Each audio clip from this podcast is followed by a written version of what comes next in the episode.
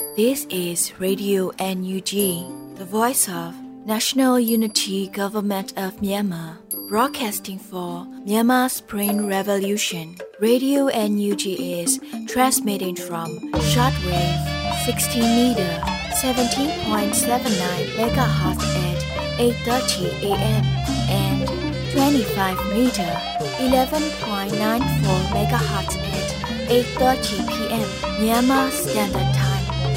မင်္ဂလာပါရှင်အမျိုးသားညီညွတ်ရေးအစိုးရရဲ့အတန်လွတ်ဌာန Radio NUG ကိုမန္တပိုင်း၈နိုင်ခွဲမှာလိုင်းတူ6မီတာ19.3ခွန်ကုန်းမဂါဟတ်စ်နဲ့ညပိုင်း၈နိုင်ခွဲမှာလိုင်းတူ25မီတာ17.3ကိုလီမဂါဟတ်စ်တို့မှာဓာတ်ရိုက်ဖမ်းယူနားဆင်နိုင်ပါပြီရှင်မင်္ဂလာအပေါင်းနဲ့ပြည့်စုံကြပါစေအခုချိန်ကစပြီး Radio NUG စီစဉ်လေးကိုဓာတ်ရိုက်အတန်လွှင့်ပေးနေပါပြီ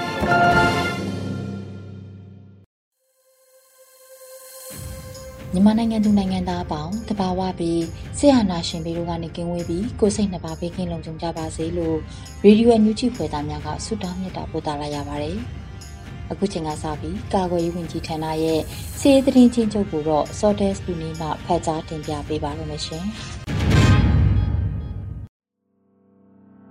မျိုးသားညီညွတ်ရေးဆိုရာကာကွယ်ရေးဝန်ကြီးဌာနမှနေ့စဉ်ထုတ်ဝေတဲ့စစ်ရေးသတင်းအကျဉ်းချုပ်များကိုတင်ပြပေးပါတော့မယ်။သတင်းများအရစစ်ကောင်စီတပ်သားတအူးသေဆုံးပြီးနှစ်ဦးထိခိုက်ဒဏ်ရာရရှိခဲ့ကြောင်းသတင်းရရှိပါရခင်ဗျာ။စစ်ကောင်စီနဲ့တိုက်ပွဲဖြစ်ပွားမှုများမှာမန္တလေးတိုင်းတွင်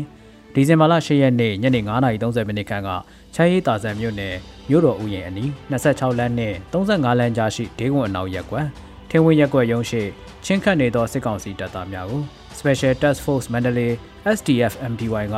လက်ပစ်ဘုံဖြင့်ပစ်ခတ်ခဲ့ရာစစ်ကောင်စီတပ်သားတအူးသေဆုံးပြီးနှစ်ဦးအားလူနာတင်ရင်ဖြင့်လာရောက်ခေါ်ဆောင်သွားခဲ့ကြောင်းသိရရှိပါရခင်ဗျာ။တနင်္လာရီတိုင်းတွင်ဒီဇင်ဘာလ10ရက်နေ့ညနေ9:00နာရီခန့်ကတရက်ချောင်းမှာပလောသို့စစ်ကူဆင်းလာသည့်စစ်ကောင်စီကား10စီးကိုဝဲရည်ရွာတွင်မိုင်းဆွဲတိုက်ခိုက်ခဲ့ပြီးအပြန်အလှန်ပစ်ခတ်မှုများဖြစ်ပွားခဲ့ကြောင်းသိရရှိပါရခင်ဗျာ။စစ်ကောင်စီကျူးလွန်သောရာဇဝတ်မှုများမှာ ရန်ကုန်တိုင်းတွင်ဒီဇင်ဘာလ10ရက်နေ့ကလှိုင်တန်မြို့နယ်အလဲရွာစမှုစုံမြန်မာကျူလီယာနှင့်ဆက်ရုံတွင်အလုတ်လောက်ကင်နေသောကိုစောစောအားစစ်ကောင်စီအဖွဲ့ဝင်များမှဖမ်းဆီးသွားခဲ့ကြောင်းတင်ရရှိပါရခင်ဗျာယခုဖော်ပြပါတဲ့များကိုမြေပြင်သတင်းတာဝန်ခံများနဲ့သတင်းဌာနများမှတင်ပြလာသောအချက်လက်များပေါ်တွင်အခြေခံပြုစုထားခြင်းဖြစ်ပါတယ်ကျွန်တော်စောတဲလူနေပါ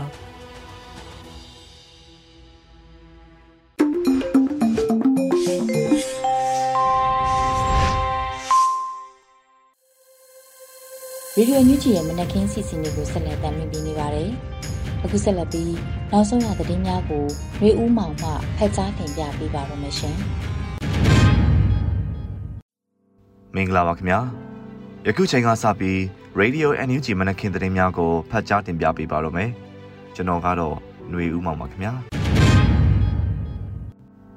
ယခုပထမအဦးဆုံးတင်ဆက်ပေးမယ့်သတင်းကတော့ ဒီဇင်ဘာလ9ရက်နေ့တွင်ရန်ကုန်တိုင်းလဲကုမြို့နယ်၌အမျိုးသားရုပ်အလောင်း73လောင်းတွေ့ရှိမှုအတွက်အမျိုးသားညီညွတ်ရေးအစိုးရကကြေညာချက်တရက်ထုတ်ပြန်ခဲ့တဲ့သတင်းပဲဖြစ်ပါတယ်။ဒီဇင်ဘာလ9ရက်နေ့တွင်ရန်ကုန်တိုင်းလဲကုမြို့နယ်၌အမျိုးသားရုပ်အလောင်း73လောင်းတွေ့ရှိမှုအတွက်အမျိုးသားညီညွတ်ရေးအစိုးရကကြေညာချက်တရက်ထုတ်ပြန်လိုက်ပါတယ်။ဒီဇင်ဘာ9ရက်ညပိုင်းမှာကြေညာချက်အမှတ်24မြင်းဆောင်2022ကိုထုတ်ပြန်ခဲ့ပါတယ်။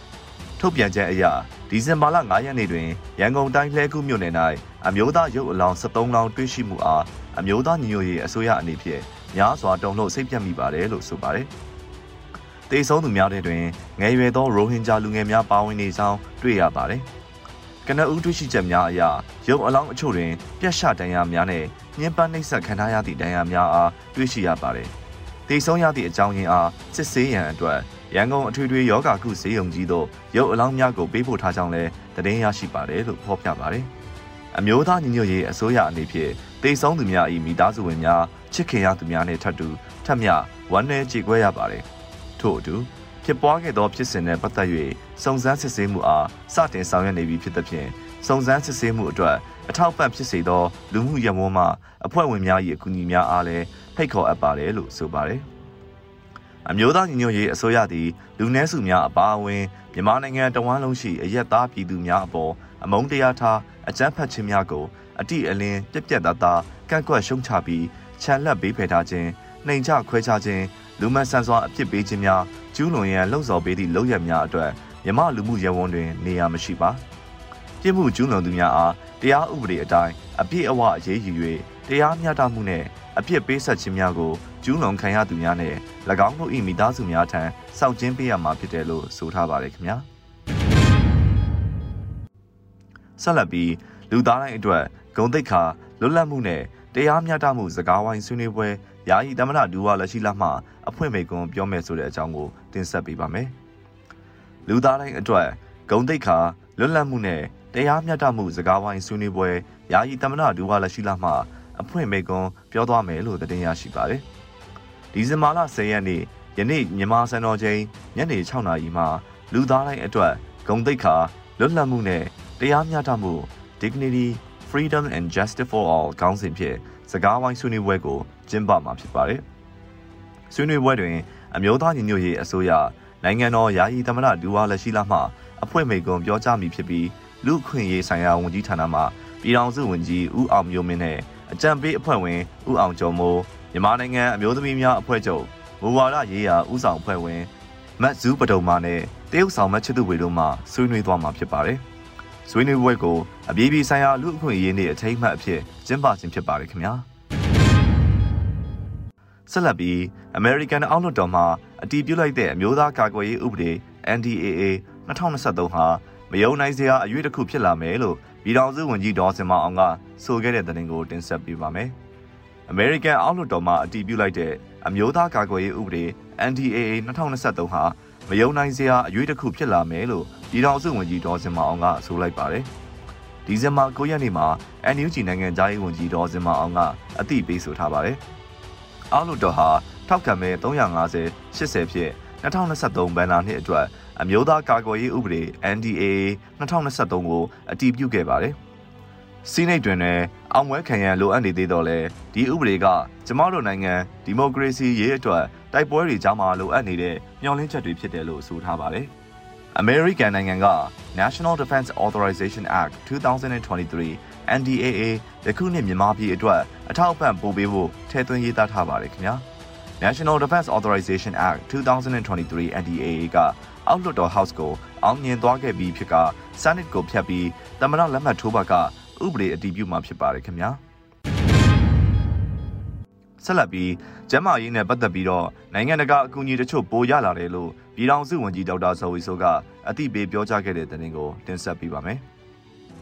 ကျန်းမာရေးနဲ့ပတ်သက်ပြီးတော့နိုင်ငံတကာအကူအညီတချို့ပိုရလာတယ်လို့ပြည်ထောင်စုဝန်ကြီးဒေါက်တာဇော်ဝီဆိုကအသိပေးပြောကြားလိုက်ပါတယ်။ဒီဇင်ဘာလအတွင်းတွိတ်ဆုံမင်းမြန်ကန်တစ်ခုမှာကျန်းမာရေးနဲ့ပညာရေးဝန်ကြီးဒေါက်တာဇော်ဝီဆိုကဆိုပါတယ်။အာဆီယံစမ်းမြေထိပ်သီးညီလာခံအပြီးမှာနိုင်ငံတကာကကျွန်တော်တို့တွေကိုပိုပြီး engage ထိတွေ့ဆက်ဆံမှုလုပ်လာတယ်။အဲ့ဒီအပေါ်မှာယခုကျွန်တော်တို့ကျန်းမာရေးနဲ့ပတ်သက်ပြီးတော့စောင့်ရှောက်မှုတချို့နိုင်ငံတကာအကူအညီတချို့ပိုရလာတာ အဲ့ဒါဟာကျွန်တော်တို့အတွက်တော့ရှေ့လာမယ့်2023အတွက်ဖြစ်လာနိုင်တဲ့တိုက်ပွဲတွေအတွက်လူသားချင်းစာနာမှုအတွက်တော့ပြင်ဆင်ဖို့အတွက်အရင်ထက်ဆိုင်ပိုအားကောင်းလာတယ်လို့ပြောပါတယ်။ဒါအပြင်အမျိုးသားညီညွတ်ရေးအစိုးရရဲ့တနစ်တာမဟာဗျူဟာစီမံချက်ထဲတွင်ကာကွယ်ရေးဝန်ကြီးဌာနနဲ့ဒိုင်းရင်သားဒေါ်လာရေးအဖွဲ့အစည်းများပူးပေါင်း၍တိုက်ပွဲတွေဖြစ်လာနိုင်တဲ့နေရာများအတွက်ကျန်းမာရေးစောင့်ရှောက်မှုပေးဖို့ပြင်ဆင်ထားတယ်လို့ဆိုပါတယ်ခင်ဗျာ ဆက်လက်ပြီးအာဆီယံရဲ့ဘုံသဘောတူညီချက်၅ချက်အလုံးမဖြစ်ပဲဘုံမိုးပြစ်ထန်တဲ့လှုပ်ဆောင်ချက်တွေနဲ့အစားထိုးရမယ်လို့ EU လွှတ်တော်မှာလူ့အခွင့်အရေးရာဆိုင်ရာဝန်ကြီးကပြောကြားခဲ့တဲ့သတင်းကိုတင်ဆက်ပေးပါမယ်။အာဆီယံရဲ့ဘုံသဘောတူညီချက်၅ချက်အလုံးမဖြစ်ပဲဘုံမိုပြစ်ထန်တဲ့လှုပ်ဆောင်ချက်တွေနဲ့အစားထိုးရမယ်လို့ EU လွှတ်တော်မှာလူ့ခွင့်ရေးရာဆိုင်ရာဝန်ကြီးဦးအောင်မျိုးမင်းကပြောကြားခဲ့ပါတယ်။ဒီဇင်ဘာလ9ရက်နေ့မှာ NUG လူ့ခွင့်ရေးရာဆိုင်ရာဝန်ကြီးဦးအောင်မျိုးမင်းကအသိပေးဖော်ပြပါတယ်။ ဒီနေ့ EU လွှတ်တော်မှာပြောတာပါ။ 5PCD အလုံးမဖြစ်ပါ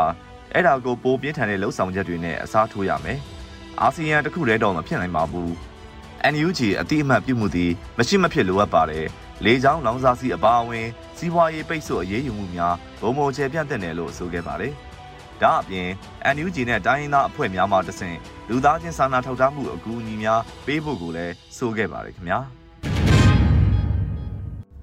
ဆက်လက်ပြီး ကမ္ဘာလူအခွင့်အရေးနေ့အထိမ်းအမှတ်ပညာရပ်ဆိုင်ရာစာတမ်းဖတ်ပွဲသို့အပရိသတ်300ကျော်တက်ရောက်ခဲ့တဲ့တဲ့ရင်ကိုတင်ဆက်ပေးပါမယ်။ကမ္ဘာလူအခွင့်အရေးနေ့အထိမ်းအမှတ်ပညာရေးဆိုင်ရာစာတမ်းဖတ်ပွဲသို့အပရိသတ်300ကျော်တက်ရောက်ခဲ့ပါတယ်။အမျိုးသားညီညွတ်ရေးအစိုးရပညာရေးဝန်ကြီးဌာနနဲ့လူအခွင့်အရေးဆိုင်ရာဝန်ကြီးဌာနတို့ပူးပေါင်း၍ကမ္ဘာလူအခွင့်အရေးနေ့အထိမ်းအမှတ်ပညာရေးဆိုင်ရာစာတမ်းဖတ်ပွဲနဲ့ပူးပေါင်းဆွေးနွေးပွဲကိုဒီဇင်ဘာလ9ရက်နေ့မြန်မာစံတော်ချိန်မနက်၈နာရီခွဲမှ နေ့လယ်2နာရီအထိကျင်းပခဲ့ပါတယ်။အဆိုပါစာနယ်ဖတ်ပွဲသို့အမျိုးသားညီညွတ်ရေးအစိုးရပညာရေးဝန်ကြီးဌာနပြည်ထောင်စုဝန်ကြီးဒေါက်တာဇော်ဝေဆိုးလူ့ခွင့်ရေးဆိုင်ရာဝန်ကြီးဦးအောင်မျိုးမင်းပညာရေးဝန်ကြီးဌာနဒုဝန်ကြီးများဖြစ်သောဒေါက်တာဆိုင်းခိုင်မျိုးထွန်းဒေါ်ဂျာထွယ်ပန်တို့တက်ရောက်ပြီးအဖွင့်အမှာစကားပြောကြားခဲ့ကစာတမ်းဖတ်ပွဲသို့အပရိသတ်300ကျော်တက်ရောက်ခဲ့ကြပါတယ်။ထို့နောက်စာတမ်းရှင်များကလူ့အခွင့်အရေးဆိုင်ရာစာတမ်း6ဆောင်ကိုဖတ်ကြားခဲ့ပြီး တက်ရောက်လာသူများမှမေးမြန်းဆွေးနွေးခဲ့ကြတယ်လို့သတင်းရရှိပါတယ်ခင်ဗျာဆက်လက်ပြီး NUG ကတနစ်မဟာဗျူဟာစီမံချက်များချမှတ်၍အကောင့်တွေပေါ်ဆောင်ရွက်နေတဲ့သတင်းကိုတင်ဆက်ပေးပါမယ်။ NUG ကတနစ်မဟာဗျူဟာစီမံချက်များချမှတ်၍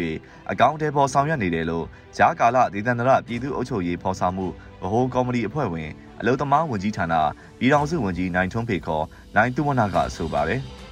ဒီဇင်ဘာ9ရက်အမျိုးသားညီညွတ်ရေးအစိုးရဂျားကာလဒီတန္တရပြည်သူ့အုပ်ချုပ်ရေးဖော်ဆောင်မှုဗဟိုကော်မတီနဲ့တိုးချက်ပြည်သူ့အုပ်ချုပ်ရေးအဖွဲ့များတွေ့ဆုံဆွေးနွေးပွဲမှာဝန်ကြီးကဆိုပါတယ်။တနစ်မဟာဗျူဟာစီမံချက်များချမှတ်၍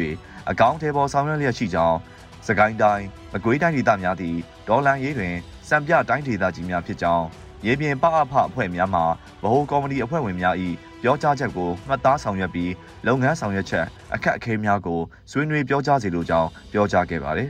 ။ဆက်လက်၍ဝန်ကြီးဌာနများမှဆောင်ရွက်နေသောလုပ်ငန်းများနှင့်ပတ်သက်၍ရှင်းလင်းတင်ပြခဲ့ပြီးနောက်တိုးချက်ပြည်သူ့အုပ်ချုပ်ရေးအဖွဲ့များမှရေပြင်ကြုံတွေ့နေရသည့်အခက်အခဲများနှင့်တိရှိလိုသည့်များကိုအပြန်အလှန်ဆွေးနွေးခဲ့ကာဂျာကာလဒေသန္တရပြည်သူ့အုပ်ချုပ်ရေးဖော်ဆောင်မှုဗဟိုကော်မတီအဖွဲ့ဝင်တရားရေးဝန်ကြီးဌာနပြည်ထောင်စုဝန်ကြီးဦးသိန်းဦးမှညီကုန်းချုပ်အမှာစကားပြောကြားခဲ့ပါတယ်။ တွေ့ဆုံပွဲသို့ရာကာလဒေသန္တရပြည်သူ့အုပ်ချုပ်ရေးဖော်ဆောင်မှုဗဟိုကော်မတီအဖွဲ့ဝင်များအမြဲတမ်းအတွင်းဝင်များတွဲဘက်အတွင်းဝင်များနဲ့ဌာနဆိုင်ရာများမှတာဝန်ရှိသူများတိုးချက်ပြည်သူ့အုပ်ချုပ်ရေးအဖွဲ့များမှတာဝန်ရှိသူများတက်ရောက်ခဲ့ပါတယ်ခင်ဗျာဆက်လက်ပြီးထိုင်းနိုင်ငံရောက်မြန်မာအလုပ်သမားများကြုံတွေ့နေရတဲ့အခက်အခဲများနဲ့ပတ်သက်၍ပူးပေါင်းဆောင်ရွက်လိုတယ်လို့ NUG အလုပ်သမားဒုဝန်ကြီးကထိုင်းနိုင်ငံလွှတ်တော်အလုပ်သမားရေးရာကော်မတီနဲ့တွေ့ဆုံပြောကြားခဲ့တဲ့သတင်းပဲဖြစ်ပါတယ်။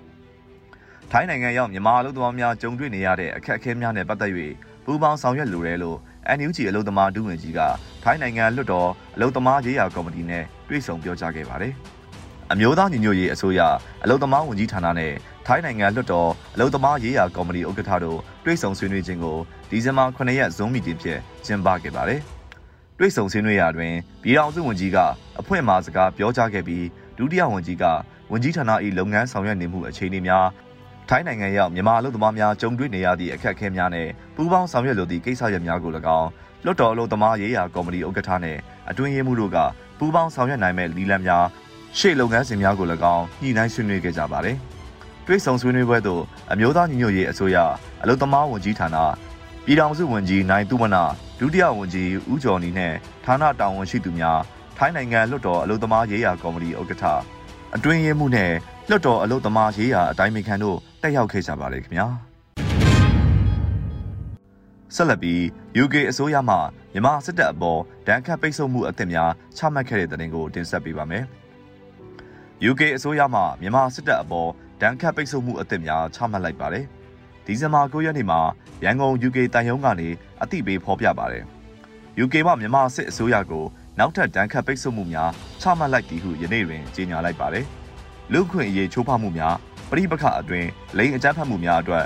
တာဝန်ရှိသည့်လုံခြုံရေးတပ်ဖွဲ့ဝင်များအပေါ်ပိတ်ဆို့မှုအသစ်များချမှတ်လိုက်ခြင်းဖြစ်ပါတယ်လို့ဆိုထားပါတယ်။အရေးယူတန်ခတ်မှုတွင်နိုင်ငံတကာလူ့အခွင့်အရေးတွေကိုလေးစားသမှုပြုရင်းစစ်ပတ်ရေးရာလုံခြုံရေးအရာရှိချုပ်ရုံးမြန်မာစစ်တပ်၏ခြေမြန်တပ်မ LID 33နဲ့ခြေမြန်တပ်မ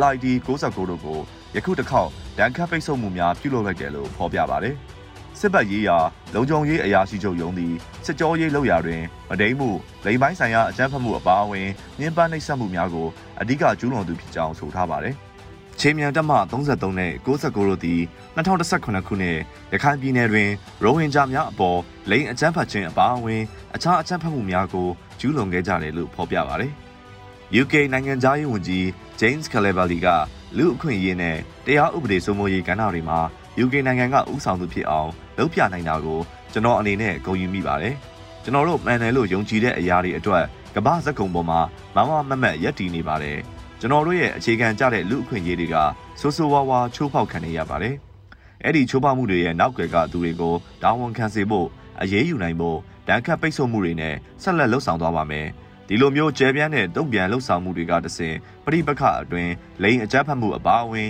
တခြားမြောက်များစွာသောရက်ဆက်ကြမ်းကြုတ်မှုတွေကိုယွန်ရှာထိတ်လန့်ပွဲကျူးလွန်နေတဲ့သူတွေကိုဖော်ထုတ်ပေးသွားမှာဖြစ်တယ်လို့ဆိုခဲ့ပါတယ်။လက်ရှိမှာလူပုဂ္ဂိုလ်30ဦးနဲ့အဖွဲ့အစည်း23ခုကိုမြန်မာနိုင်ငံရဲ့လူအခွင့်အရေးချိုးဖောက်မှုတွေမှာတာဝန်ရှိသူတွေအဖြစ် UK အစိုးရကဒဏ်ခတ်ပိတ်ဆို့ထားပြီးဖြစ်ပါတယ်ခင်ဗျာ။ ယခုတင်ပြပေးခဲ့တဲ့သတင်းတွေကို Radio NUG သတင်းတော်မင်းမင်းကပေးပို့ပေးထားတာဖြစ်ပါတယ်ခင်ဗျာ။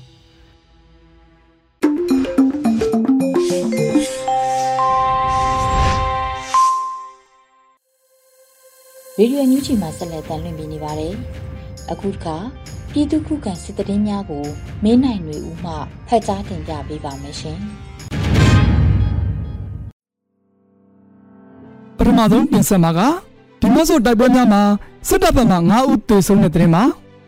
ကင်းနီပြည်နယ်ဒီမော့ဆိုမြို့နယ်ကုန်းသာကျေးရွာနီးသို့အကြမ်းဖက်စစ်ကောင်စီတပ်မှစစ်ကြောင်း၃ကြောင်းဖြင့်ဒီဇင်ဘာလ6ရက်နေ့ည7:45မိနစ်ခန့်ကထပ်မံစစ်ကြောင်းထိုးလာရာမိုင်းမီပြစ်ခတ်ခံရပြီးစစ်သား9ဦးသေဆုံးခဲ့ကြောင်း KRU ထံမှသိရပါဗျ။ကုန်းသာကျေးရွာနီးတဝိုက်ကိုတက်ဆွဲနေရာယူထားတဲ့စစ်သားများကို KNU တော်လိုင်းတပ်ပေါင်း KRU နှင့်ပူးပေါင်းအဖွဲ့မှ ဒီဇင်ဘာလ၁ရက်နေ့တွင်တိုက်ထုတ်ရှင်းလင်းခဲ့ပြီးနယ်မြေစိုးမိုးထုတ်ချုပ်ထားစဉ်အကြမ်းဖက်စစ်ကောင်စီတပ်မှထပ်မံစစ်ကြောင်းထိုးဝင်ရောက်လာသဖြင့်ခုခံတိုက်ခတ်ရာဒီဇင်ဘာလ6ရက်နေ့မှာ9ရက်နေ့အထိတရက်တာတိုက်ပွဲပြင်းထန်ခဲ့ခြင်းမှာဆက်လက်တင်ဆက်မှာကအကြတော်မုံရလန်းတွင်ကင်းမုံဝင်နေသောစစ်သားများကိုတိုက်ခိုက်မှုစစ်သား3ဦးသေဆုံးတဲ့တဲ့မှာစကိုင်းတိုင်းမုံရအရတော်လက်မပေါ်ရှိကမ်းမြူအရှိရာအနီးတွင်ဒီဇင်ဘာလ9ရက်နေ့ ညနေ6နာရီခန့်ကမိုင်းမင်းပေါ်သို့တက်တဲ့ရောက်လာသောကင်းမုံဝစ်စစ်သားများကိုမိုင်းဆွဲတိုက်ခိုက်ခဲ့ရာစစ်သား3ဦးသေဆုံးပြီး2ဦးအပြင်းထန်ဒဏ်ရာရရှိခဲ့ကြောင်း Danger for MPDF ထံမှသိရပါတယ်။ကြီးအကြမ်းဖက်ကင်းမုံဝစ်စစ်သားများကို Danger for MPDF 0ပျောက်ကြားတပ်ဖွဲ့မြင်းချံစကိုင်းမျိုးရဲဘော်စကိုင်းတိုင်းကျဲနီတအူမုံရခရိုင်တရင်19တို့မှပူပေါင်းကပရိသာမိုင်း၅လုံးဖြင့်ဖောက်ခွဲတိုက်ခတ်ခဲ့ခြင်းမှာ မိုင်းခွဲတိုက်ခတ်ခဲ့ရမှုကြောင့်အကြမ်းဖက်စစ်ကောင်စီတပ်သားများကတနက်များရန်တမ်းပစ်ခတ်ခဲ့ပြီးတေဆုံးဒဏ်ရာရစစ်သားများကိုအရေတော်စေယုံကြီးတို့တည်ဆောင်သွားကြောင်းအလားတူဒီဇင်ဘာလ9ရက်ညနေ6နာရီခန့်၌လည်းအရေတော်မုံရလမ်းမပေါ်ချမ်းသာရဖုံကျောင်းအနီးကင်းမုံဝင်နေတဲ့အကြမ်းဖက်စစ်သားများကို15မိနစ်ခန့်အကြာပြစ်ခတ်တိုက်ခတ်ခဲ့ကြောင်း Danger Fort MBDF ကထုတ်ပြန်ပါတယ်။ကဏီမြို့နယ်ဂျီလက်ကျွန်းတွင် PDF တပ်ဖွဲ့များနဲ့ အကြမ်းဖက်စစ်တပ်တို့တိုက်ပွဲဖြစ်ပွားတဲ့တဲ့ရင်ဆက်လက်တင်ဆက်ပါမယ်။စကိုင်းတိုင်းကဏီမြို့နယ်စစ်စန်းကျေးရွာအနီးတွင်အကြမ်းဖက်စစ်တပ်နှင့် PDF တပ်ဖွဲ့များထိတဲ့တိုက်ပွဲများဖြစ်ပွားခဲ့ကြောင်းရင်းမပင်ခရိုင်တရင်30 DRPA အဖွဲ့ထံမှသိရပါဗျ။ဒီဇင်ဘာလ9ရက်နေ့ညနေ3:30မိနစ်တွင်စင်စန်းကျေးရွာနီးတိုက်ပွဲဖြစ်ပွားခဲ့ခြင်းမှာ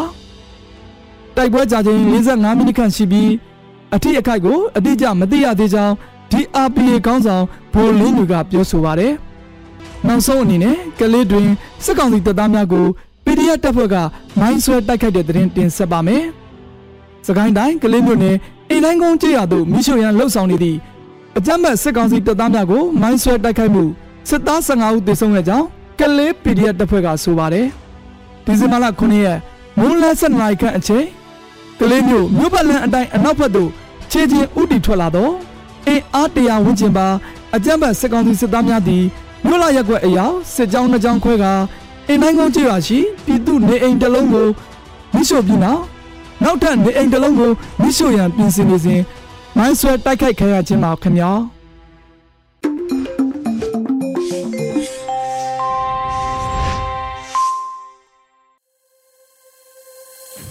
Radio NUG ရဲ့မနက်ခင်းစီစဉ်တွေကိုဆက်လက်တင်ပြနေပါတယ်။ အခုဆက်လက်ပြီး PPTV ရဲ့နေ့စဉ်သတင်းများကိုရိမ့်မှဖတ်ကြားတင်ပြပေးပါမယ်ရှင်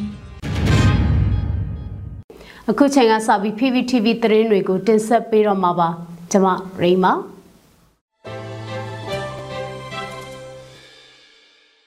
ပထမဆုံးတင်ဆက်မှာကတော့ဂျာဂလာတေသန္တရပြည်သူ့အုပ်ချုပ်ရေးဖော်ဆောင်မှုဗဟိုကော်မတီအစည်းအဝေးကျင်းပတဲ့သတင်းမှာ ဂျာဂလာတေသန္တရပြည်သူ့အုပ်ချုပ်ရေးဖော်ဆောင်မှုဗဟိုကော်မတီအစည်းအဝေးအမှတ်စဉ်40မြင်းဆောင်2022ကိုဒီဇင်ဘာ9ရက်မနက်10:00နာရီမှာပြုလုပ်ခဲ့ပါတယ်။အစည်းအဝေးမှာဂျာဂလာတည်တန္တရပြည်သူ့အုပ်ချုပ်ရေးဖော်ဆောင်မှုဗဟိုကော်မတီဥက္ကဋ္ဌပြည်ထောင်စုဝန်ကြီးချုပ်မောင်ဝင်းခိုင်တန်းကဒီအပတ်အစည်းအဝေးမှာထပ်မံအားဖြည့်ထားတဲ့ဝန်ကြီးဌာနတွေရဲ့တာဝန်ရှိသူများလည်းတက်ရောက်လာတာကိုတွေ့ရလို့ကော်မတီမှကြိုဆိုတယ်။အမျိုးသားညွရေးအစိုးရအနေနဲ့လွန်ခဲ့တဲ့တစ်နှစ်ကျော်ကာလမှာဗဟိုကော်မတီကိုစတင်ဖွဲ့စည်းခဲ့ပြီးအာဏာသိမ်းစစ်အုပ်စုရဲ့အကြမ်းဖက်မှုချင်းချောက်မှုနဲ့မတရားဖန်ဆီးနှိပ်စက်အနိုင်ကျင့်မှုအတေအမျိုးမျိုးကိုရင်ဆိုင်တွေ့ကြုံနေရတဲ့နိုင်ငံသူနိုင်ငံသားများကိုလုံခြုံမှုကာကွယ်စောင့်ရှောက်မှုတွေဖန်တီးပေးနိုင်ရန်စစ်အာဏာသိမ်းမှုကြောင့်ပြိုလဲပျက်စီးသွားတဲ့အုပ်ချုပ်ရေးလုံခြုံရေးနဲ့အများပြည်သူဝန်ဆောင်မှုရန်တရားတွေပြန်လည်ထူထောင်ရန်အတွက်ဆိုတဲ့ရည်ရွယ်ချက်ကိုစ조사ပြီးစနစ်တကျစီမံဆောင်ရွက်မှုကိုဆောင်ရွက်ခဲ့တာတနစ်ကျော်ခဲ့ပြီးဖြစ်တယ်။ဗဟိုကော်မတီအနေနဲ့မြေပြင်နဲ့တိုက်ရိုက်ချိတ်ဆက်နေတဲ့အစည်းအဝေးတွေတိုင်းရင်းသားအတိုင်ပင်ခံကောင်စီတွေနဲ့ပုံမှန်တွေ့ဆုံမှုတွေလွှတ်တော်ကိုစားပြုကော်မတီတွေနဲ့ပုံမှန်တွေ့ဆုံမှုတွေကိုလှုပ်ဆောင်လျက်ရှိတယ်။ ကော်မတီရဲ့လိုအပ်ချက်အရထပ်မံဖွဲ့စည်းထားတဲ့ဝန်ကြီးဌာနများမှလည်းအပြည့်အင်ပြည့်ပါဝင်ဆောင်ရွက်ပေးကြရန်တိုက်တွန်းပြောကြားလိုတယ်။အာဏာသိမ်းစစ်ကောင်စီကို အမြင့်ပြတ်တိုက်ထုတ်နိုင်ရေးမှာကာကွယ်ရေးနဲ့လုံခြုံရေးဆောင်ရွက်နေတဲ့ပကဖ PDF LPDF များရဲ့ရည်တည်နိုင်ရေးအတွက်ရန်ပုံငွေထောက်ပံ့မှုအပိုင်းကအရေးကြီးတယ်။စုံမနယ်မြေတွေအုပ်ချုပ်ရေးအခြေအနေများကိုမြို့နယ်အလိုက်စနစ်တကျပြုစုထားရန်လိုအပ်တယ်ဆိုပြီးတော့ပြောကြားခဲ့ပါတယ်။ မြေပြမဖွဲ့စည်းထားတဲ့မြို့နယ်ပါအဖများရဲ့လုပ်ငန်းဆောင်ရွက်နိုင်မှုကိုသေချာစွာလေ့လာသုံးသပ်ကြရမှာဖြစ်ကြောင်းအုပ်ချုပ်မှုဖော်ဆောင်ရမှာနယ်မြေစိုးမိုးမှုကပထမအဆင့်အရေးကြီးကြောင်း စိုးမိုးနယ်မြေများတည်ငြိမ်အေးချမ်းရေးကဒုတိယအဆင့်ဖြစ်ကြောင်းနယ်မြေတည်ငြိမ်မှသာအုပ်ချုပ်ရေးရန်တရားကောင်းမွန်စွာလည်ပတ်နိုင်မည်ဖြစ်ကြောင်းစကိုင်းမကွေးတိုင်းဒေသများကအန်ယူဂျီအစိုးရရဲ့စစ်မှန်သည့်ခြေကုပ်များဖြစ်ပြီးအခြေအနေမှန်သိရှိရန်အထူးလိုအပ်ပြီးသတင်းအချက်လက်မှန်ကန်စွာမြန်မြန်ဆန်ဆန်ရရှိနိုင်အောင်အားစိုက်ကြိုးပမ်းပေးကြဖို့တိုက်တွန်းလိုကြောင်းပြောကြားခဲ့ပါတယ်။ ဒါပြင်အကြမ်းဖက်စစ်ကောင်စီမှကျင်းပမဲ့အတူရောင်ရွေးကောက်ပွဲနဲ့ပတ်သက်ပြီးအကြမ်းဖက်စစ်ကောင်စီရဲ့ပြောရေးဆိုခွင့်ရပုဂ္ဂိုလ်မှလာမယ့်ရွေးကောက်ပွဲမှာနေရအနှံ့အပြားရွေးကောက်ပွဲကျင်းပနိုင်ရေးစိုးမိုးမှုများကို PPCC ဆောင်ရွက်သွားမှာပြောကြားထားမှုရှိကြောင်းစိုးမိုးမှုအားကောင်းသောနေမြေများမှာအကြမ်းဖက်စစ်ကောင်စီမှထိုးစစ်ဆင်တိုက်ခိုက်မှုများပုံမလှုပ်ဆောင်လာနိုင်တာကိုတွေ့ရကြောင်း လုပ်ငန်းလှုပ်ဆောင်မှုများပြားနိုင်တာမို့ပင်ပန်းကြမှာကိုတည်တော်လဲဆက်လက်စ조사လုပ်ကင်ပြီးအောင်မြင်မှုပန်းတိုင်ကိုတက်ညီလက်ညီဆက်လက်ဆောင်ရွက်ကြဖို့အတွက်ပြောကြားခဲ့ပါတယ်။ ဆက်လက်ပြီးတက်ရောက်လာကြတဲ့ဂျာကလာတည်တရပြည်သူ့အုပ်ချုပ်ရေးဖော်ဆောင်မှုဗဟိုကော်မတီအဖွဲ့ဝင်တွေက39မြေဆောင်2022မှာချမှတ်ထားတဲ့ဆုံးဖြတ်ချက်တွေရှေ့လုပ်ငန်းစဉ်တွေနဲ့ပတ်သက်ပြီးပြည်စည်းမှုအခြေအနေတွေနဲ့ဆက်လက်ဆောင်ရွက်ရန်ကြံရှိနေတဲ့လုပ်ငန်းစဉ်များကိုချပြရှင်းလင်းပြီးတက်ရောက်လာတဲ့တာဝန်ရှိသူများမှအကြံတဝင့်ဆွေးနွေးခဲ့ကြပါတယ်။ကျေးဇူးတင်ပါတယ်ရှင်။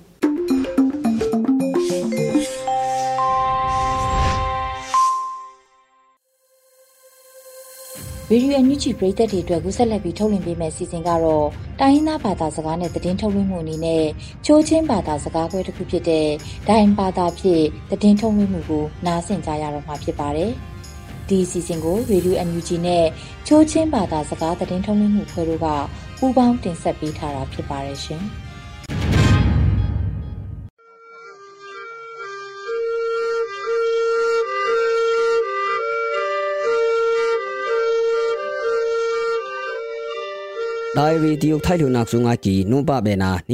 นี้ตุงว่าคิงคาอัมทำชาขึ้นสู่มาตึงพงยากาทางเอซุนกีได้สลายนอกันิยามเทลตุขยากากีอักษกา CTF เซนทังดาลิปอกเซปุยลุเซจักทุมวางวายกีเตียทังอังอินากา BBC ทังถูปัวตัวกุมาพุคอมเด็กอับมุงมิงมาสวยๆกีโนมีอัพราอมุงดรอันยิงปุยลอกกีเตียทังอักทุมนากา ERO ยา PDF ยุงนิงซอทีเทมยากูอีขอวายาอเมริกันปอยา NDAE สุนทดตัวอนิมคาปงอูเตียทังเงเนี่ยง่ายขยกักกินี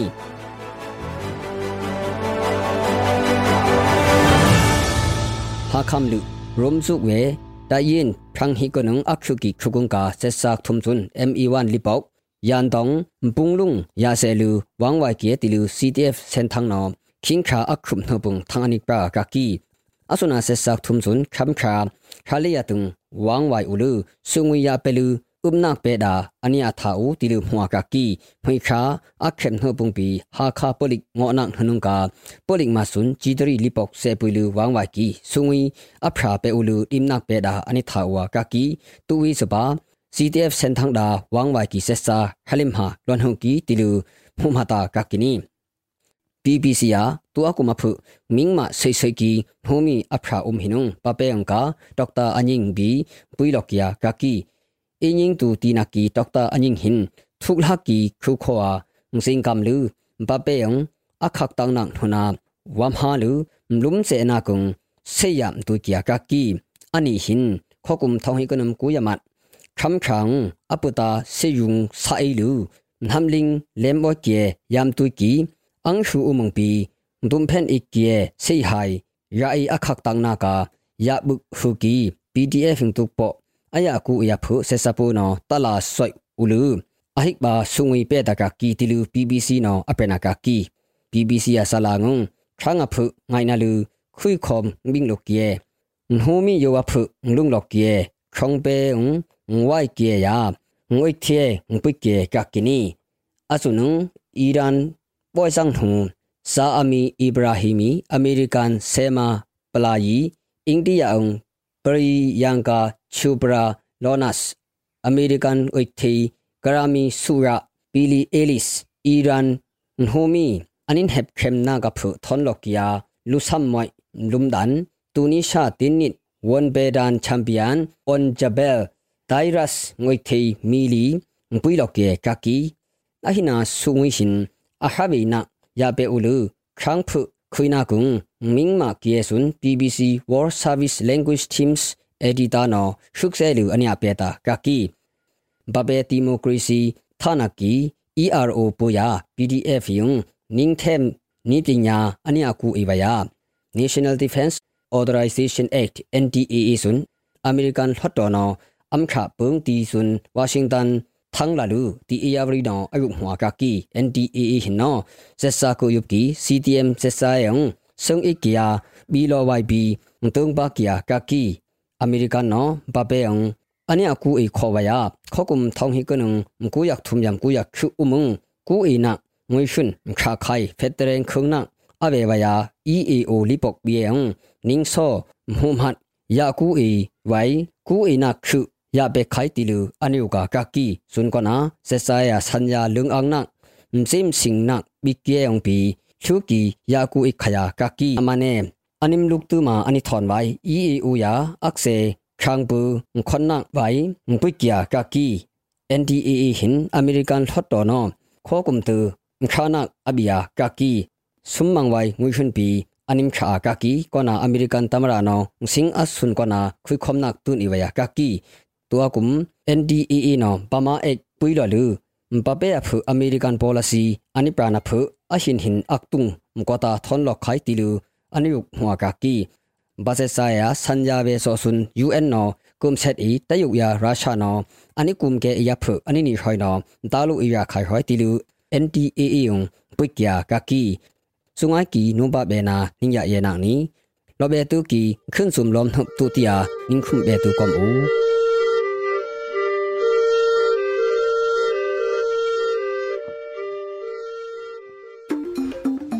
ဒီကနေ့ကတော့ဒီညနေပဲ Radio NUG ရဲ့အစီအစဉ်လေးကိုခေတ္တရ延လိုက်ပါမယ်ရှင်မြန်မာစံတော်ချိန်မနေ့၈နိုင်ခွဲနဲ့ည၈နိုင်ခွဲအချိန်တွေမှာပြောင်းလဲဆိုပြကြပါလို့ရှင် Radio NUG ကိုမနေ့ပိုင်း၈နိုင်ခွဲမှာလိုင်းတူ16မီတာ19.7မဂါဟတ်နဲ့ညပိုင်း၈နိုင်ခွဲမှာလိုင်းတူ25မီတာ17.6မဂါဟတ်တို့မှာဓာတ်ရိုက်ဖမ်းယူ နာဆင်နိုင်ပါပြီရှင်။မြန်မာနိုင်ငံသူနိုင်ငံသားများကိုစိတ်နှဖျားစမ်းမချမ်းသာလို့ဘေးကင်းလုံခြုံကြပါစေလို့ Radio NUG ရဲ့ဖွဲ့သူဖွဲ့သားများက